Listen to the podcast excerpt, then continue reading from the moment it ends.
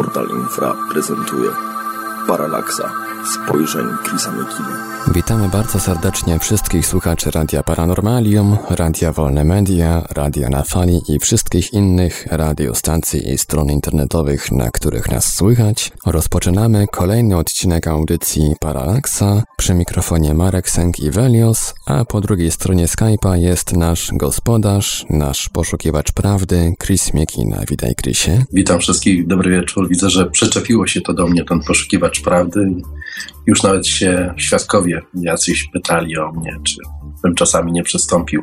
Witam wszystkich raz jeszcze. W dzisiejszym odcinku będziemy dyskutować o postrzeganiu pozazmysłowym, czyli Extrasensory Perception, w skrócie ESP.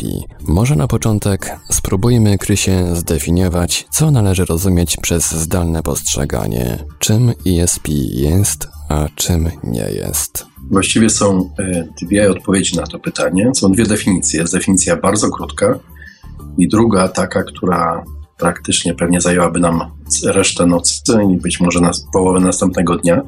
I być może znowu byśmy skończyli na tym, że nadal nie wiemy, co to jest e, właśnie takie zdalne postrzeganie, postrzeganie pozazmysłowe.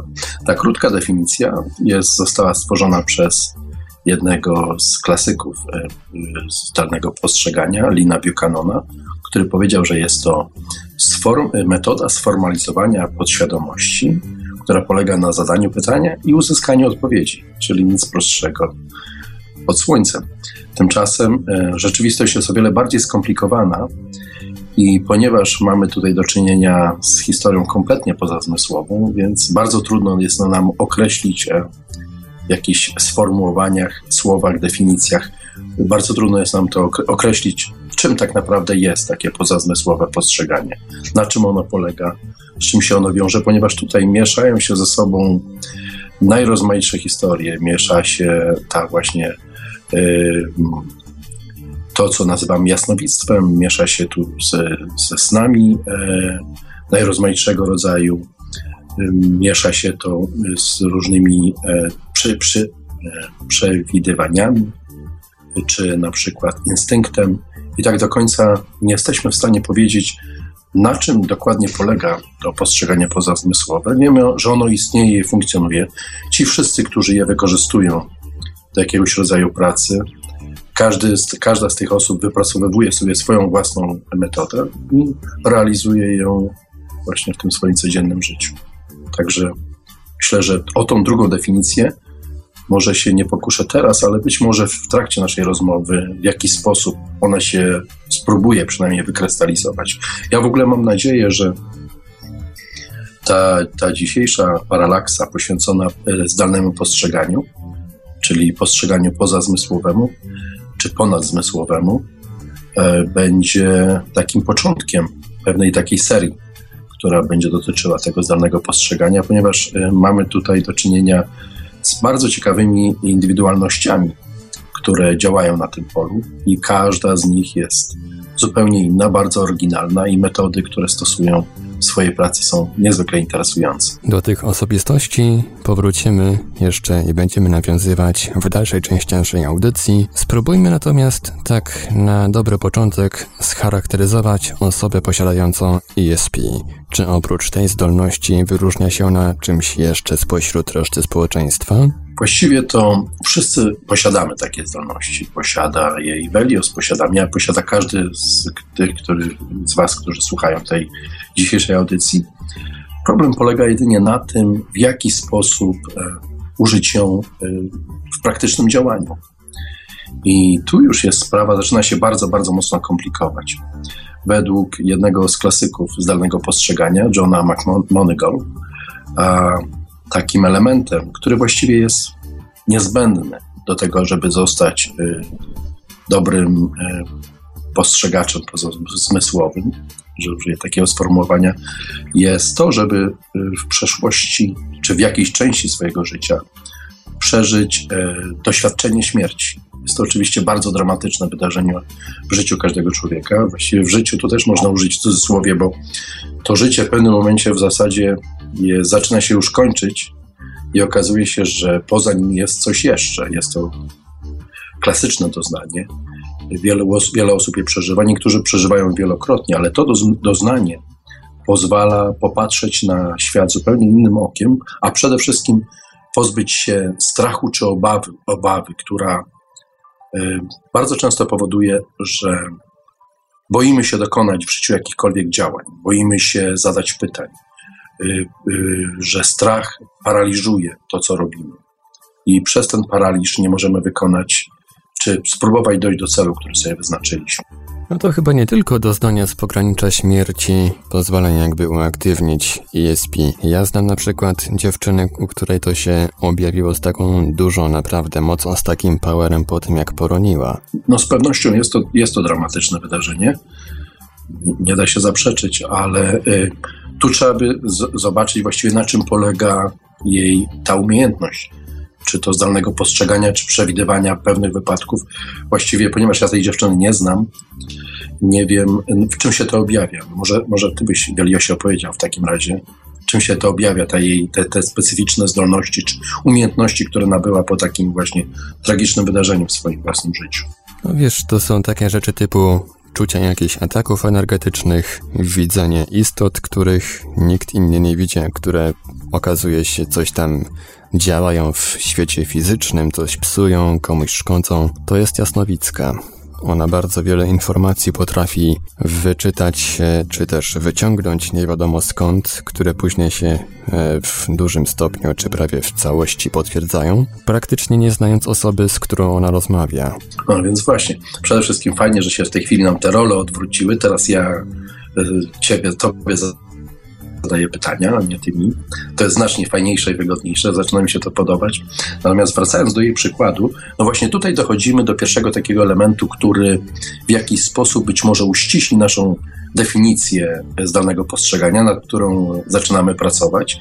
I jasnowictwo, jakkolwiek jest częścią zdalnego postrzegania, nie jest elementem, które określa zdalne postrzeganie, ponieważ w zdalnym postrzeganiu wszystko, co się robi, jest e, pewnym aktem zupełnie świadomym. To oznacza, że na przykład, jeżeli chcemy y, dowiedzieć się, co się dzieje w danym miejscu, na przykład na świecie, czy określić, co jest w danym budynku, czy znaleźć jakiegoś człowieka, wówczas ten cały proces, który zostaje uruchamiany, jest aktem y, świadomym, ale w sensie takim, że praktycznie wyłączamy y, tą, tą swoją y, świadomość Y, z działania. Jakkolwiek brzmi to bardzo, bardzo mocno paradoksalnie i wydaje się, że jest to taka głupota, bo jak można świadomie coś robić, wyłączając kompletnie świadomość, to właśnie na tym polega to zdalne postrzeganie. Właśnie ten John McMonagall, o którym wspomniałem wcześniej, uzyskuje to w ten sposób, że uprawia on zen, kompletnie oczyszcza y, swój umysł z wszelkich jakich doznań zewnętrznych, praktycznie zostaje niezapisana biała karta i dopiero wówczas, po takim zakończonym seansie, przystępuje do pracy, wyszukując y, y, miejsca bądź, bądź człowieka, bądź czegokolwiek od niego się wymaga. Y, tutaj też jest taki jeden bardzo ważny element, że polega to również na tym, że ten poza, pozazmysłowy postrzegacz nie może sam sobie wyznaczać celu, dlatego że w tym momencie uruchamia świadomość i wszystko, co się z nią wiąże. On po prostu musi dostać pewne zadanie, czyli musi dostać tą informację z zewnątrz, po to, żeby mógł skompletnie właśnie tą, tą, tą białą tablicą, niezapisaną tablicą świadomości, mógł przystąpić do swojej pracy.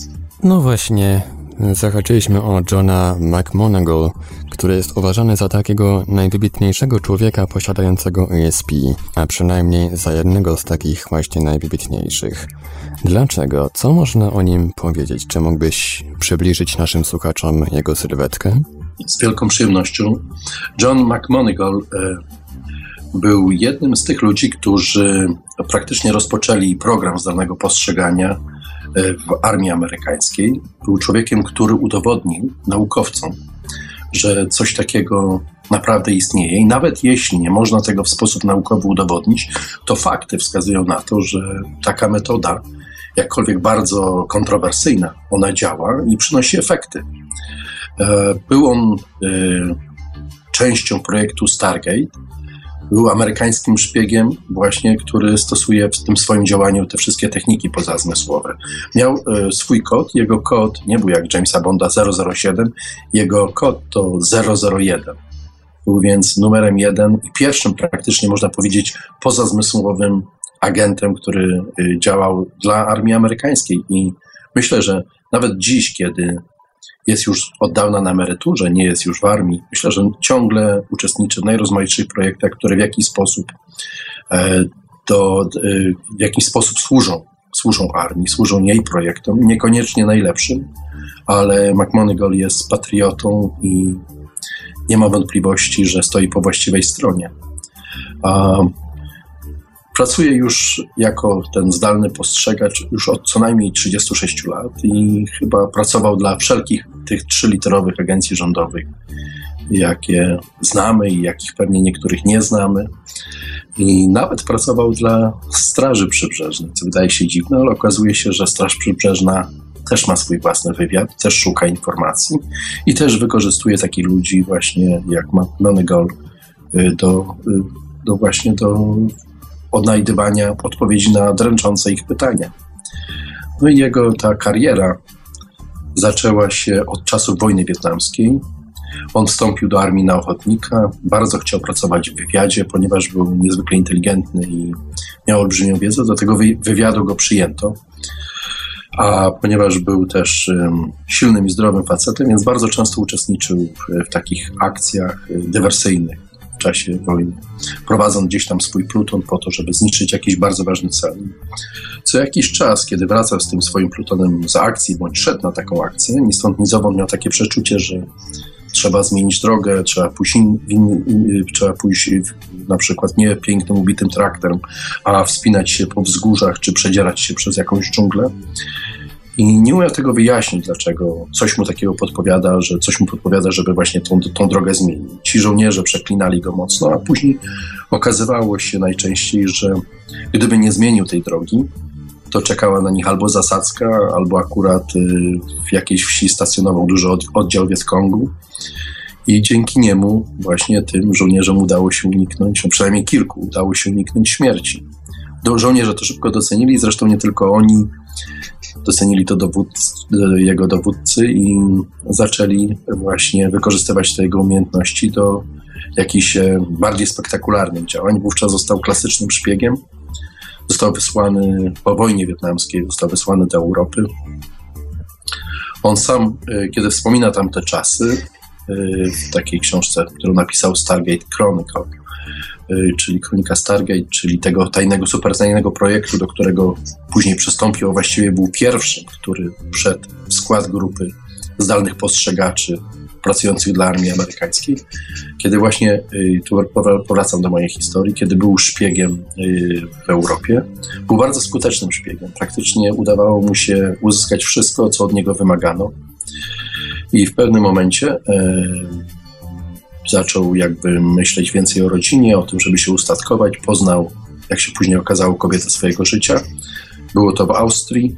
Zaprosił ją do restauracji, mieli zjeść razem obiad. Miał przyjść jeszcze jeden z jego przyjaciół na ten obiad, kiedy nagle poczuł się bardzo, bardzo źle. Postanowił wyjść na zewnątrz, przewietrzyć się i kiedy przekraczał drzwi restauracji, usłyszał taki dźwięk, jakby to było takie pstryknięcie palców. Wyszedł na zewnątrz, padał deszcz, deszcz był nienaturalnie ciepły. Wystawił rękę, tak jak każdy z nas wystawia, jakby nie dowierzając, że ten deszcz pada, i nagle zobaczył, że krople deszczu bez przeszkód przechodzą jego przez jego rękę na drugą stronę. Odwrócił się, spojrzał na drzwi restauracji i zobaczył samego siebie leżącego w tych właśnie drzwiach. I wtedy nagle e, doszło do niego, że coś się wydarzyło z jego ciałem że chyba umiera, że stoi obok i przygląda się temu wszystkiemu. W tym momencie z restauracji wyszedł jego przyjaciel, zapakował go do samochodu, zawiózł go do szpitala, gdzie go reanimowano. McMonagall obserwował tą reanimację i jak sam dziś opowiada, tym, tą obserwacją się znudził i wówczas właśnie otworzył się dla niego ten słynny tunel z wielkim, silnym, ciepłym, białym światłem. Zaczął podążać tym tunelem na jego drugi koniec tego tunelu. I kiedy tam dotarł, poczuł się tak, jak, jak czuje się ktoś, kto wraca do domu po długiej podróży. Poczuł, że nigdy nie chce odchodzić z tego miejsca. Że jest to miejsce, w którym chce zostać na zawsze. I kiedy tak nad tym rozmyślał, usłyszał głos, że czas już wracać. I znów był taki dźwięk, jakby stryknięcie palców, i obudził się już w szpitalnym łóżku, kiedy to powoli dochodził do siebie po tym, jak w szpitalu uratowano mu życie. Rozmyślał trochę nad tym, sądził, że to białe światło jest Bóg, dziś nie, tak już nie sądzi w ten sposób, nie myśli w ten sposób. I kiedy mm, lekarze zaczęli y, go badać i y, sprawdzać jego reakcje po tym, po tym wydarzeniu, które zaszło, okazało się, że jest on facetem niespełna rozumu. On tego nie rozumiał, ponieważ poprzez to e, doświadczenie śmierci praktycznie stracił całą pamięć, co to znaczy być normalnym, a co to znaczy być nienormalnym. Wówczas na szczęście w szpitalu zaprzyjaźnił się z lekarzem, który był psychiatrą żołnierzy, którzy wracali z Wietnamu i przeżywali traumę wojny.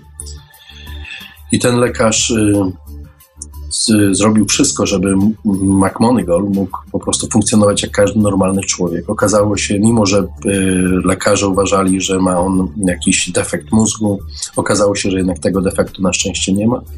Wyszedł ze szpitala i wszystko wskazywałoby na to, że wojsko oczywiście podziękuje mu za współpracę. Tymczasem był on tak świetnym agentem, że pracował jeszcze jako e, szpieg przez następne 7 lat. I wówczas właśnie doszło do tej olbrzymiej zmiany w jego życiu, kiedy, kiedy armia amerykańska rozpoczęła super tajny program. Zaczęło się to od tego, że Amerykanie nie byli w stanie zrozumieć, jak to się dzieje, że informacje z wielu ich super tajnych baz, miejsc, różnych y, y, historii, które powinni, o których wróg nie powinien wiedzieć, jakoś do Rosjan docierają. Nie mieli pojęcia, w jaki sposób, kto przekazuje te dane i w jaki sposób. I wówczas e, przyszła taka informacja ze Związku Radzieckiego wówczas, że Rosjanie stosują e, właśnie to postrzeganie ponadzmysłowe do tego, żeby szpiegować Amerykanom. Amerykanie zaczęli się nad tym zastanawiać, a ponieważ Amerykanie to nie jest naród z jakąś taką wielką e, abstrakcyjną fantazją, nie potrafili zrozumieć, jak coś, co jest nienaukowe, nie do uchwycenia, nie do opisania, może, może e, przynieść takie tego typu efekty. Ale zainteresowało ich to bardzo, no i postanowili, że mm, jedyny sposób, jak, jak się można o tym dowiedzieć, to będzie właśnie poprzez założenie własnej tak, tego typu jednostki. Zaczęli, e, zaczęli szukać właśnie ludzi, którzy mieliby takie właściwości. Oczywiście jest to nie, niezwykle trudne w takiej właśnie w organizacji jak na przykład CIA czy tego typu inne agencje wywiadowcze, dlatego że każdy człowiek, który takiej agencji przyzna się do takich swoich paranormalnych możliwości, no po prostu wskaże na siebie, że jest niestabilny psychicznie i to skończy jego karierę. Więc selekcja tych właśnie uczestników tego programu, którego, który później nazwano y, Stargate, trwała praktycznie rok czasu, kiedy to właśnie z ludźmi, którzy, których podejrzewano takie właśnie paranormalne możliwości, zaczęto przeprowadzać rozmowy i zaczęto przeprowadzać testy. Między innymi brał w nich udział słynny Robert Monroe, który jest takim prekursorem chyba zdalnego postrzegania. Chyba on jako pierwszy określił, na czym on mniej więcej polega i do czego, y, do czego można go wykorzystać. On również opisał y, prawdopodobnie także jako pierwszy, co to znaczy y, odczuwanie śmierci i, w jaki sposób wchodzi się w taki stan, w jaki sposób też z niego się można wydobyć i co on oznacza w ogóle takiego człowieka. I oczywiście na tej podstawie w jaki sposób wylosowano, że Y, Mona, y, McMonagall będzie się świetnie do tej swojej pracy, do tego typu pracy nadawał. Kiedy przechodził testy wraz z innymi kandydatami do tego projektu, zrobiono tych testów sześć. Było to, był to rodzaj współzawodnictwa. Okazało się, że pięć wygrał właśnie McMonagall i w jednym był, był drugi. Także dlatego na tej podstawie został agentem 001. I tak to się wszystko zaczęło. Później rozpoczęła się właśnie legenda tej jednostki, gdy okazało się, że amerykańscy postrzegacze, ci zdalni postrzegacze, są w stanie wniknąć w rosyjskie struktury militarne i opowiedzieć, co się w nich dzieje, co, co, tam, co, co się tam dzieje, w jaki, sposób, w jaki sposób one działają, jakie instalacje tam funkcjonują i tego typu historie. Także jednostka ta, jakkolwiek nie oparta na naukowych podstawach, potwierdziła, że tego typu działanie ma sens i przynosi niesamowite efekty. A jak wygląda praca czy też warsztat Joe'ego Monegal? Czy skupia się na sprawach typu znajdowanie ludzi czy obiektów? Na czym polegały jego zadania? Jego zadania są bardzo, bardzo różnorodne. To, od czego zaczął, to oczywiście były obiekty militarne. Jedną z jego najsłynniejszych historii, które odkrył, oczywiście tu trzeba wziąć pod uwagę to, że wciąż y, wiele Y, informacji na temat tego, co zrobił dla armii, jest ściśle tajna. Na jego prośbę, ponieważ jest już człowiekiem w podeszłym wieku, ostatnio y, jakby uwolniono z klauzuli tajności 100 tysięcy stron, 100 tysięcy stron na temat tego, co robił dla armii, jakie cele wykonywał, jakie działania jakie efekty osiągnął. I cała masa ciągle pozostaje jeszcze tajna, ale to, co na przykład dziś z tych y, dokumentów można wyczytać, to na przykład historia pewnej, pewnego supertajnego obiektu w Związku Radzieckim za kołem polarnym, blisko Oceanu Lodowatego, gdzie Rosjanie zbudowali gigantyczny budynek. Nikt nie wiedział, co się mieści w środku. Nie było szans, żeby tam dotrzeć. Rosjanie uszczelnili to tak, że praktycznie przez dwa lata Amerykanie głowili się, co tam może być, no i nie mieli na to żadnej odpowiedzi co tam może być, co tam się może znajdować, co, co tam Rosjanie mogą robić. No i wówczas postanowiono skorzystać właśnie e, z, ze, specjali, ze specjalistów od zdalnego postrzegania. McMonagall był właśnie kimś takim, którego zaproszono do takiej pracy. I wówczas on stwierdził, że w tym budynku buduje się e, olbrzymie atomowe okręty podwodne. Oczywiście przyjęto to z wielkim niedowierzaniem, bo y, ten budynek stał około kilometra od morza. Morze było poza tym zamarznięte. Y, poza tym nikt tak nie buduje okrętów podwodnych, żeby to było w zamkniętym pomieszczeniu, oczywiście olbrzymim, ale w jaki sposób takie olbrzymie okręty transportować do oceanu. Przez jakiś czas trwała dyskusja na ten temat. Jeden z bardzo ważnych generałów, który brał udział y, w dyskusjach właśnie na ten temat, powiedział, był bliski tego, żeby właśnie uznać tą całą metodę za szarlatanerię. No i wówczas McMonagall powiedział mu, że za 120 dni się to wszystko wyjaśni. No i ten admirał, żeby mieć wreszcie z głowy tych, tych właśnie szarlatanów, kazał swojemu adiutantowi zapisać datę i poinformować się, co wydarzy się za 120 dni. Kiedy ten czas minął, i nad tymi obiektami przeleciał amerykański samolot szpiegowski i zrobił zdjęcie. Okazało się, że Rosjanie kopią, kopią gigantyczny kanał, że wewnątrz tego budynku były już zbudowane potężne atomowe okręty podwodne typu Tajfun, no i była ich liczba niebagatelna, co zmieniało kompletnie układ sił na oceanach i Rosjanie byli to w stanie utrzymać w tajemnicy tak długo. Także okazało się, że bardzo precyzyjnie określił co się znajduje w takim obiekcie. No i w czym absolutnie wywołał zdumienie. Innym takim spektakularnym sukcesem e, McMonagall był, e, było odnalezienie generała Doziera. Generał Dozier był szefem NATO we Włoszech i został porwany przez Czerwone Brygady. W tamtych czasach Czerwone Brygady no, siały postrach po całej Europie i nie tylko, po całym świecie. Były słynne z tego, że porywały Y, jakieś znane osobistości, często ze świata polityki, żądając ogromnych okupów, a gdy, kiedy ich żądania nie były spełniane, no to zazwyczaj wysyłali pokawałk, poka, pokawałkowane ciała takiego delikwenta paczkami różnych odstępach czasu do tych, którzy tego okupu nie zapłacili. Więc porwanie generała Doziera no, było dużym wstrząsem, bo był to bardzo ważny wojskowy. Na dodatek y, człowiek, który znał wiele, wiele tajemnic, więc obawiano się, co się dalej z nim stanie, komu zostanie przekazany, kto da więcej pieniędzy Czerwonym Brygadom, żeby dostać taką ważną osobistość. No i wówczas zaproszono McMonagall i jeszcze jednego zdalnego postrzegacza właśnie do, do tego, żeby pomogli w odszukaniu generała. I wówczas McMonagall odnalazł go w Padwie, I nie tylko stwierdził, że jest w tym mieście, ale dokładnie opisał budynek, w którym jest. Y, drugi zdalny postrzegacz z kolei wszedł w jakiś sposób do tego budynku, dokładnie opisał, co się w nim znajduje. Opisał, że generał jest y, zamknięty w dużej skrzyni, że ma opaskę na oczy, że ma słuchawki na uszach, żeby nic nie słyszał, co się dzieje dookoła, żadnych rozmów.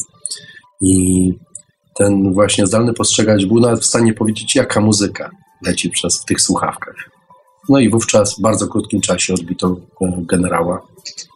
Ratowano mu życie, uratowano też NATO przed utratą bardzo ważnych tajemnic wojskowych. I wszystko to dzięki właśnie hmm, zdalnemu postrzeganiu, które znów jest bulwersujące w swojej skuteczności, w swoim działaniu, ale tu trzeba dodać, że nie za każdym razem się to udaje.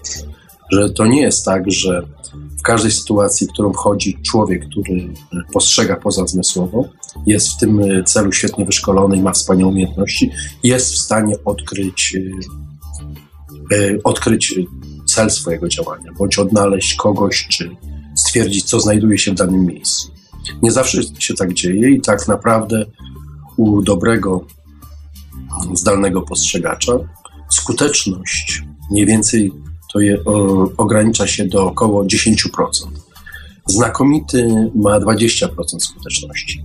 John McMonagall ma 50% skuteczności. I tą 50, te 50% utrzymuje już od prawie 37 lat. Także jest to absolutnie coś niezwykłego w tym świecie.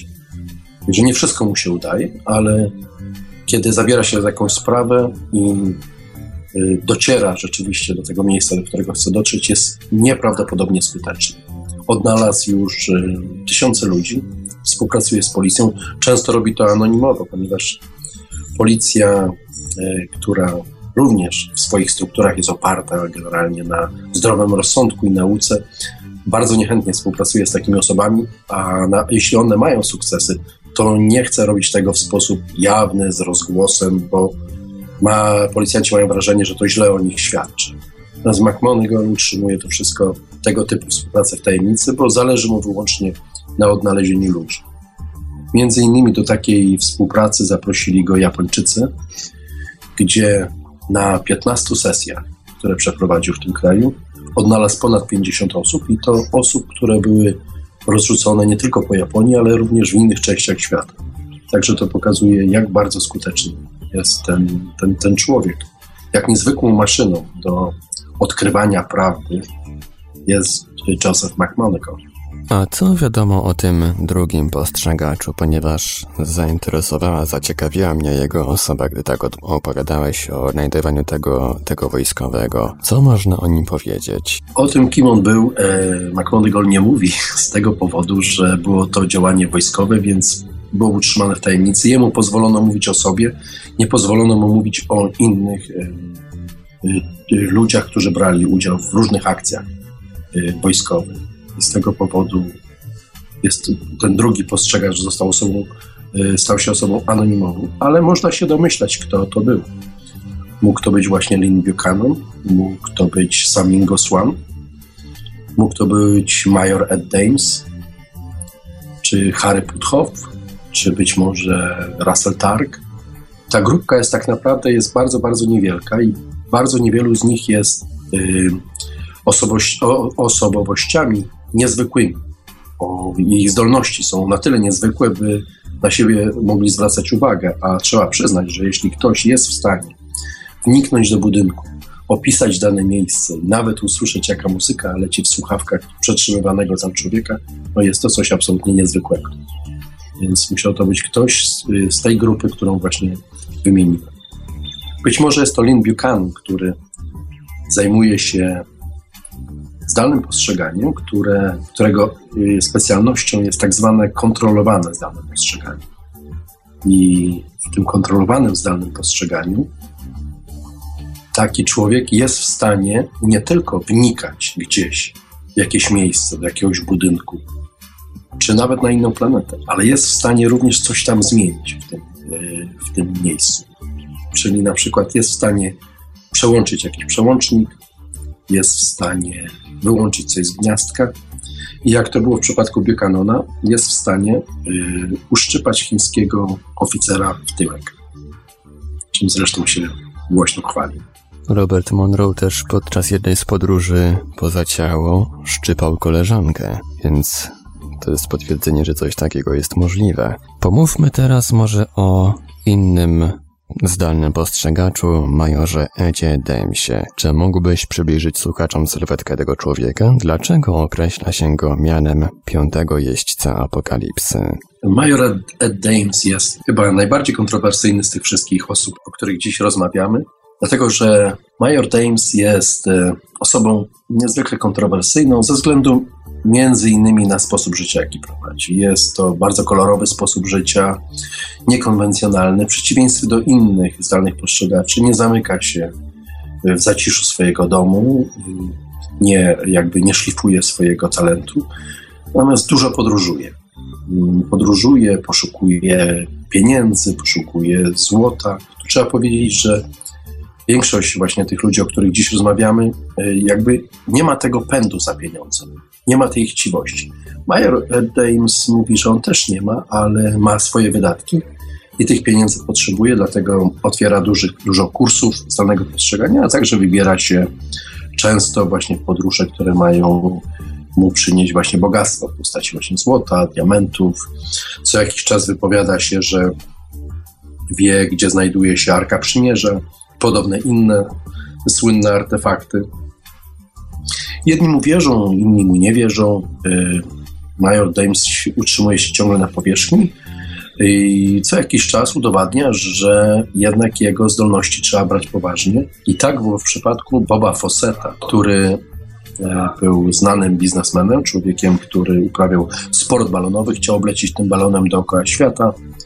Nie udało mu się, balon spadł, z Fosset zginął, tyle że nikt nie mógł odnaleźć jego ciała. Balon spadł gdzieś w górach Sierra Nevada. Mimo, że jest to Kalifornia, okazuje się, że i znajduje się tam wiele baz wojskowych, okazuje się, że nie sposób było tego wrak, wraku tego balonu zlokalizować. Nie, miesiące mijały. Y, o fosecie, o ciele foseta, bo wtedy wówczas dano sobie sprawę, że już nie może żyć, skoro do tej pory nigdzie się nie pokazał. Y, już słuch powoli zaczął ginąć kiedy odezwał się major Ed Dames, który z absolutną prostotą wskazał na mapie punkt, gdzie znajduje się ten balon, balon i ciało y, tego y, poszukiwacza przygód. No, kiedy udano się na to miejsce, okazało się, że tam jest. No i to było absolutnie coś niezwykłego, co znowu zrobiło na wszystkich wrażenie i pokazało, że major Ed Dames no, wciąż ma kły i wciąż potrafi ten swój talent wykorzystać w taki właśnie sposób, żeby coś odnaleźć, stwierdzić coś, czy, czy po prostu e, odpowiedzieć na dręczące jakieś pytanie. Jest on nazywany piątym miejscem apokalipsy z tego powodu, że jest to chyba najbardziej ponury człowiek, jakim można rozmawiać, bo wszystko sprowadza się do niego w rozmowie z nim, że lada chwila będzie jakaś olbrzymia katastrofa, będzie koniec świata i on w tej chwili lansuje taką teorię, że będzie to tak zwany killshot, czyli będzie to wybuch na Słońcu, który będzie tak potężny i silny i skierowany w stronę Ziemi, że po prostu kompletnie zniszczy naszą planetę. No i major Dames od paru lat czeka na ten killshot, co jakiś czas o nim przypomina. Ja nawet kupiłem jedną z jego płyt, też byłem tego ciekawy, kiedy wreszcie się skończy nasza męka na tym ziemskim padole. Do, do tej pory musimy się jeszcze trochę pomęczyć. No i ale major nie rezygnuje i ciągle mówi, że, że ciągle to jest jeszcze przed nami. I w tej chwili jeszcze hmm, wskazuje miejsca na Ziemi, gdzie jest szansa przetrwać. No i jedno nawet takie miejsce mam blisko siebie, także może zdążę. Jak mi się oczywiście uda. Do Majora Eda Damesa jeszcze powrócimy prawdopodobnie w kolejnych odcinkach Paralaksy. A teraz spróbujmy się zastanowić, Krysie, czy za pomocą ESP można przemieszczać się tylko w obrębie Ziemi, czy też można wykroczyć poza nią. Jak to jest z ESP na innych planetach? No właśnie, wygląda na to, że zdalne postrzeganie tak naprawdę nie ma granic. I znów tu powrócę do mojego ulubionego bohatera, Joe McMonagall, który dostał takie zadanie. I tutaj y, też należy dodać, że każdy z tych zdalnych postrzegaczy, musimy popracować nad jakimś lepszym słowem, bo zdalny postrzegacz, to tak niezbyt dobrze brzmi, no ale nazywajmy póki co roboczo. Zdalny, że każdy zdalny te, te postrzegacz, który uzyskuje, e, e, który dostaje swoje zadanie do wykonania, nie ma pojęcia, e, gdzie ma dotrzeć i czemu ma to służyć ponieważ za każdym razem, gdyby poinformować go o miejscu czy o celu tego, tego typu działania, wówczas jego świadomość zakłóciłaby cały proces tego pozazmysłowego postrzegania i praktycznie uniemożliwiłaby mu jakiekolwiek działanie.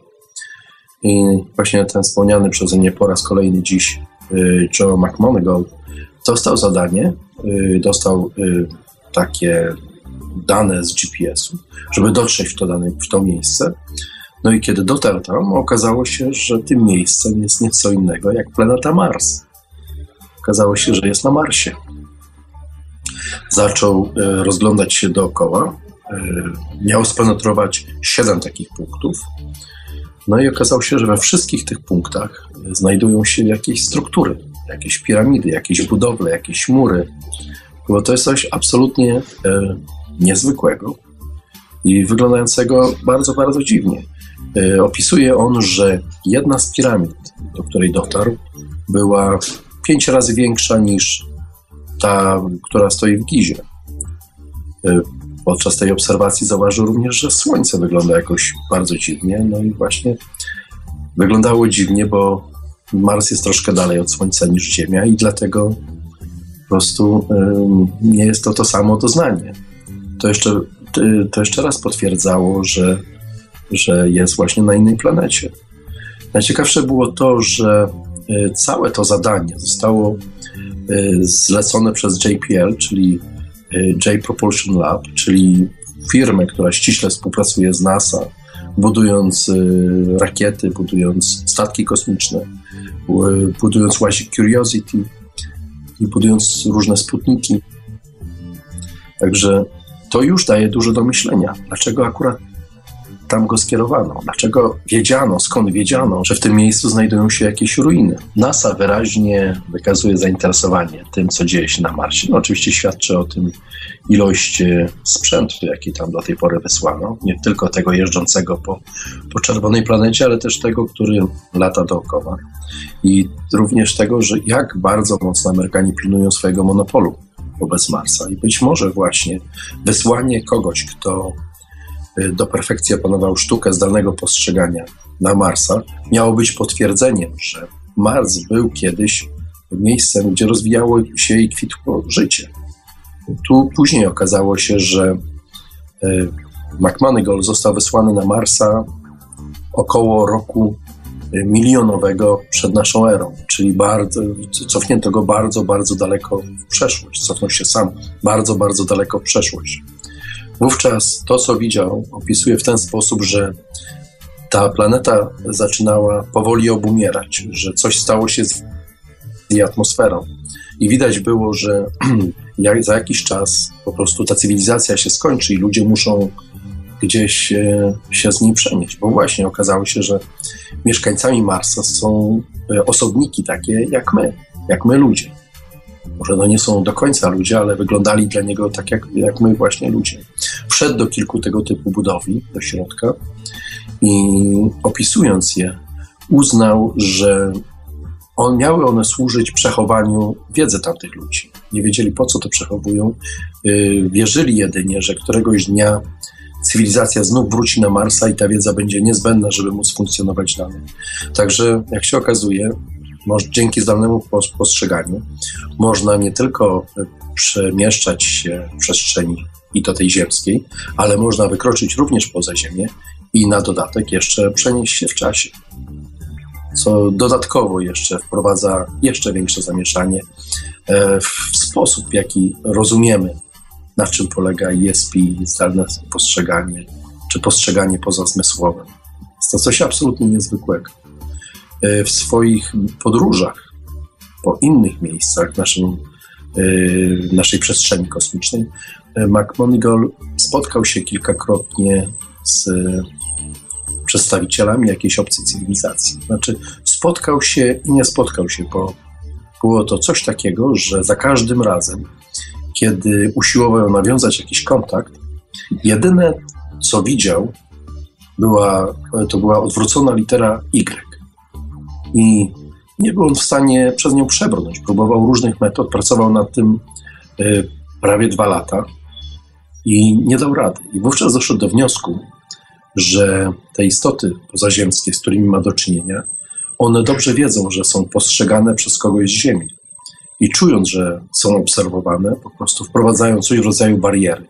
Uświadomił to sobie wtedy, kiedy nagle e, dostrzegł, że ta odwrócona litera Y jest takim kątem wewnętrznego pudła, w którym go zamknięto nie pozwala mu się za nie wyjrzeć, co się znajduje po drugiej stronie. Dlatego, Taki trochę sandbox. Troszeczkę coś w tym rodzaju. I dlatego ma świadomość tego, że ktoś tam gdzieś istnieje we wszechświecie, ale nie, nie, nie, nie chce z jakiegoś powodu nie chce nawiązać kontaktu. Y, to, czy istnieje jakieś życie pozaziemskie, czy istnieje życie na innych planetach, chyba najpiękniej wytłumaczył y, Carl Sagan, który pokazał to na przykładzie zapalanej zapałki. Zapalał zapałkę, trzymał ją w palcach i mówił, że w momencie odpalenia tego ognia, w momencie potarcia tą zapałką draskę, powstaje życie. I trwa ono tak długo, jak płonie zapałka. Życie całej cywilizacji wygasa wraz z jej zgaśnięciem po prostu. To, co na naszych oczach w przypadku zapałki trwa kilkadziesiąt sekund, to być może oznaczać miliony lat, yy, na przykład na jakiejś planecie. I to samo stanie się z naszą cywilizacją. I teraz logika i rachunek prawdopodobieństwa wskazuje na to, że takich zapałek we wszechświecie nie może zapalać się zbyt wiele, a już bardzo trudno jest o to, żeby dwie zapaliły się równocześnie, czyli to oznacza, że spotkanie kogoś z innej planety, jakiejś istoty myślącej, y, jakiegoś osobnika innej kultury, jakiejś cywilizacji pozaziemskiej jest niezwykle znikome, a praktycznie można powiedzieć niemożliwe, co potwierdza z kolei to, że to, co chce współczesna i obecna nauka, że jesteśmy tak naprawdę sami w kosmosie, sami we wszechświecie. Ale często, kiedy podaje się ten przykład Sagana, yy, nie mówi się o tym, co powiedział po tym wszystkim. Powiedział, że jest tego wyjście z sytuacji, bo jeśli naszą cywilizację doprowadzimy do takiego stanu, żeby yy, móc yy, na przykład odbywać podróże międzygwiezdne, czyli osiągnąć odpowiednią technologię i poprzez te wszystkie technologie, które, które w tej chwili budujemy e, i, i, i tworzymy, jeżeli jesteśmy w stanie stworzyć e, taki wehikuł czasu, żeby móc właśnie podróżować e, z prędkością większą niż prędkość światła, czyli pogwałcić ten, ten, ten, ten czwarty wymiar, czas kompletnie. Jeżeli, będziemy, w, jeżeli jesteśmy w stanie, a fizycznie jest to możliwe, w fizyce jest to, jest to do jest to teoretycznie stwierdzalne, że maszyna w czasie jest możliwa do zbudowania, to wówczas okaże się, że tak naprawdę w tym wszechświecie płyną wszystkie możliwe zapałki, jakie tylko istnieją, dlatego że możemy, przemieszczając się w czasie, możemy podróżować do rozmaitych cywilizacji, niezależnie od tego, czy istniały bardzo dawno temu, czy będą istnieć dopiero w przyszłości. Także jest to coś, co kompletnie miesza w głowie i niesamowicie, niesamowicie buzuje w wyobraźni taka, taka właśnie możliwość. Natomiast to, że te inne cywilizacje, które być może osiągnęły taki poziom, że są w stanie podróżować, być może właśnie z tego powodu nie nawiązują z nami kontaktu, być może jesteśmy dla nich kompletnie niedojrzali i obserwują nas, jak, jak Ivelios obserwuje ćmę w słoiku, która mu wleciała w tej chwili do, do studia. Także tak ta, ta, ta sytuacja wygląda i zdalni, ci wszyscy zdalni postrzegacze nie mają wątpliwości, że nie jesteśmy sami e, we wszechświecie. A jak wizje Buchanana mają się do tego, co później udało się uwiecznić na zdjęciach Marsa? Więc e, okazało się, że Buchanan i jego, jego wizje nie były kompletnie przypadkowe, jest, ponieważ on sam był również związany z amerykańskimi agencjami, y, wykorzystywały go właśnie do tego, żeby móc właśnie spenetrować y, część czerwonej planety, podobnie jak to było w przypadku Monegal. I no, później tak jeden, jak i drugi znalazł, odkrył, że to, co widział to na Marsie, miało to potwierdzenie w jakiejś rzeczywistości i że są to elementy obserwowalne z Ziemi za pomocą teleskopu nawet. Natomiast ci, którzy to obserwowali, nie byli do końca pewni dlatego postanowili korzystać tak niecodzienną metodę właśnie, jak zdalne postrzeganie. Także to jeszcze raz pokazuje, jak niezwykłe możliwości daje umiejętność zdalnego postrzegania, jak w wielu kierunkach ono może prowadzić, jak bardzo trudno jest je zdefiniować i y, jak bardzo trudno wytrenować w sobie taką umiejętność, mimo że każdy z nas ją posiada, to aby dotrzeć do mistrzostwa w wykorzystywaniu tego typu techniki, no, wymagana jest praktycznie gigantyczna praca i poświęcenie się temu tylko i wyłącznie działaniu. W innym przypadku żylibyśmy w świecie, w którym byłoby pełno milionerów, bo każdy by pewnie chciał sobie przewidzieć albo numery w totolotka, albo na przykład y, co ma przeciwnik w kartach, grający w pokera i tak dalej, i tak dalej. Czy wygrać na wyścigach koni. Zresztą z kartami e, wielu tych znanych, zdalnych postrzegaczy wielokrotnie robiło takie, takiego rodzaju pokazy, na przykład y, Ingo Swan był z tego słynny, że był w stanie odgadywać, jakie karty znajdują się w talii, jaka będzie wyłożona. Y, wielokrotnie wspomniany McMonagall trzy razy publicznie był w stanie powiedzieć y, wszystkie karty, które będą po kolei wyłożone w 52-kartowej talii. Także to też pokazuje, że jest to wiedza nieprzypadkowa, że to nie jest łód szczęścia, jest to na czymś oparte. Natomiast większość tych ludzi ma w sobie niezwykle wysoki poziom etyczny, dlatego można właściwie powiedzieć, że nie będzie go wykorzystać, wykorzystywać w jakimś złym celu, czy dla, po to, by skrzywdzić kogokolwiek. Bo zdalne postrzeganie na obecnym etapie zwłaszcza to, który, o którym często mówi Buchanan, y, może doprowadzić również do tego, że taki człowiek jest w stanie zabić kogoś nawet na odległość. Jest to, jak się okazuje, bardzo prosta czynność. Wystarczy wniknąć w ciało drugiego człowieka i powoli wyłączać wszystkie nerwy, które y, powodują, czy, y, które wspierają pracę serca. I mamy tutaj takiego właśnie mordercę, który zabija bez broni, zabija umysłem. I to już samo to też daje wiele, wiele do myślenia.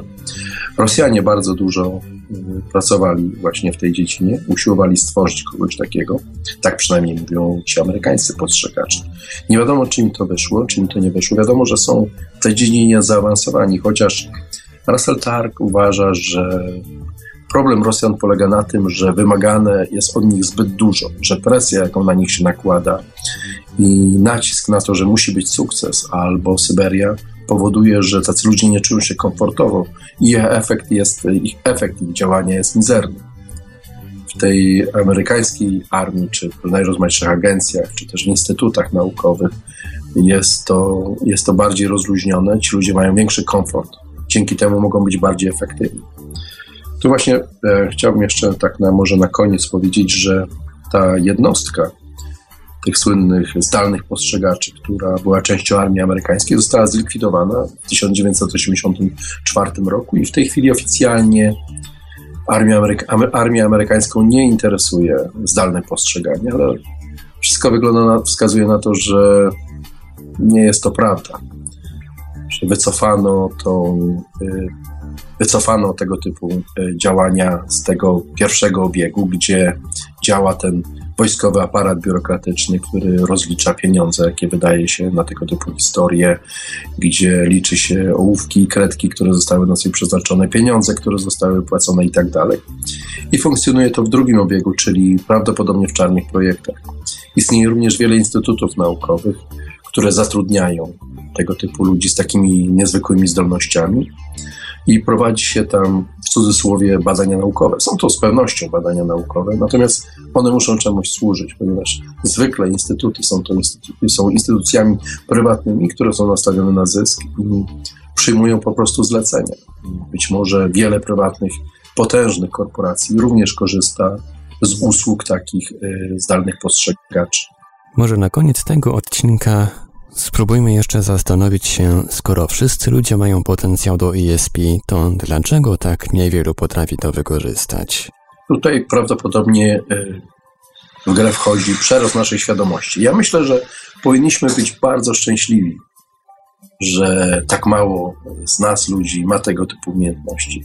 Gdyby prawie wszyscy mieli tego typu umiejętności, że żylibyśmy w prawdziwym, prawdziwym piekle. Nasza cywilizacja prawdopodobnie nie mogłaby się wydarzyć. Dlatego, że w, gdybyśmy się potrafili wszyscy po, tak, tym zdalnym postrzeganiem po, posługiwać, wówczas y, po prostu wszelkie jakieś e, działania na to, żeby rozbudować czy popchnąć do przodu to, to co budujemy od tysięcy lat, e, byłyby torpedowane przez innych, którzy przewidywaliby i robiliby kontrdziałania. I byłyby, działoby się to na takim etapie, który byłby praktycznie już nie, do, nie tylko nie do zatrzymania, ale w żaden sposób nie byłby kontrolowany, ponieważ nie byłoby żadnej jakiejkolwiek instytucji, czy też może złe słowo instytucji, czy autorytetu, który byłby w stanie w jakiś sposób y, y, wstawić to w jakieś jakiekolwiek reguły, co wolno, a czego nie wolno zrobić. Zdalne postrzeganie otwiera niezwykłe, absolutnie niezwykłe możliwości, które myślę, że kilka tych, które wymieniłem w dzisiejszej y, tej dyskusji mojej z Ibeliosem, już samo one wskazują na to, że praktycznie nie ma granic i barier dla kogoś takiego że jest w stanie dokonać rzeczy w sumie niezwykłych, budzących czasami grozę, niebezpiecznych i pobudzających niesamowicie wyobraźnię. To, że każdy z nas rodzi się z takimi umiejętnościami, zdolnościami, jest to wymyślone przez Matkę Naturę po to, abyśmy w jakiś sposób y, uchronili się przed niebezpieczeństwem.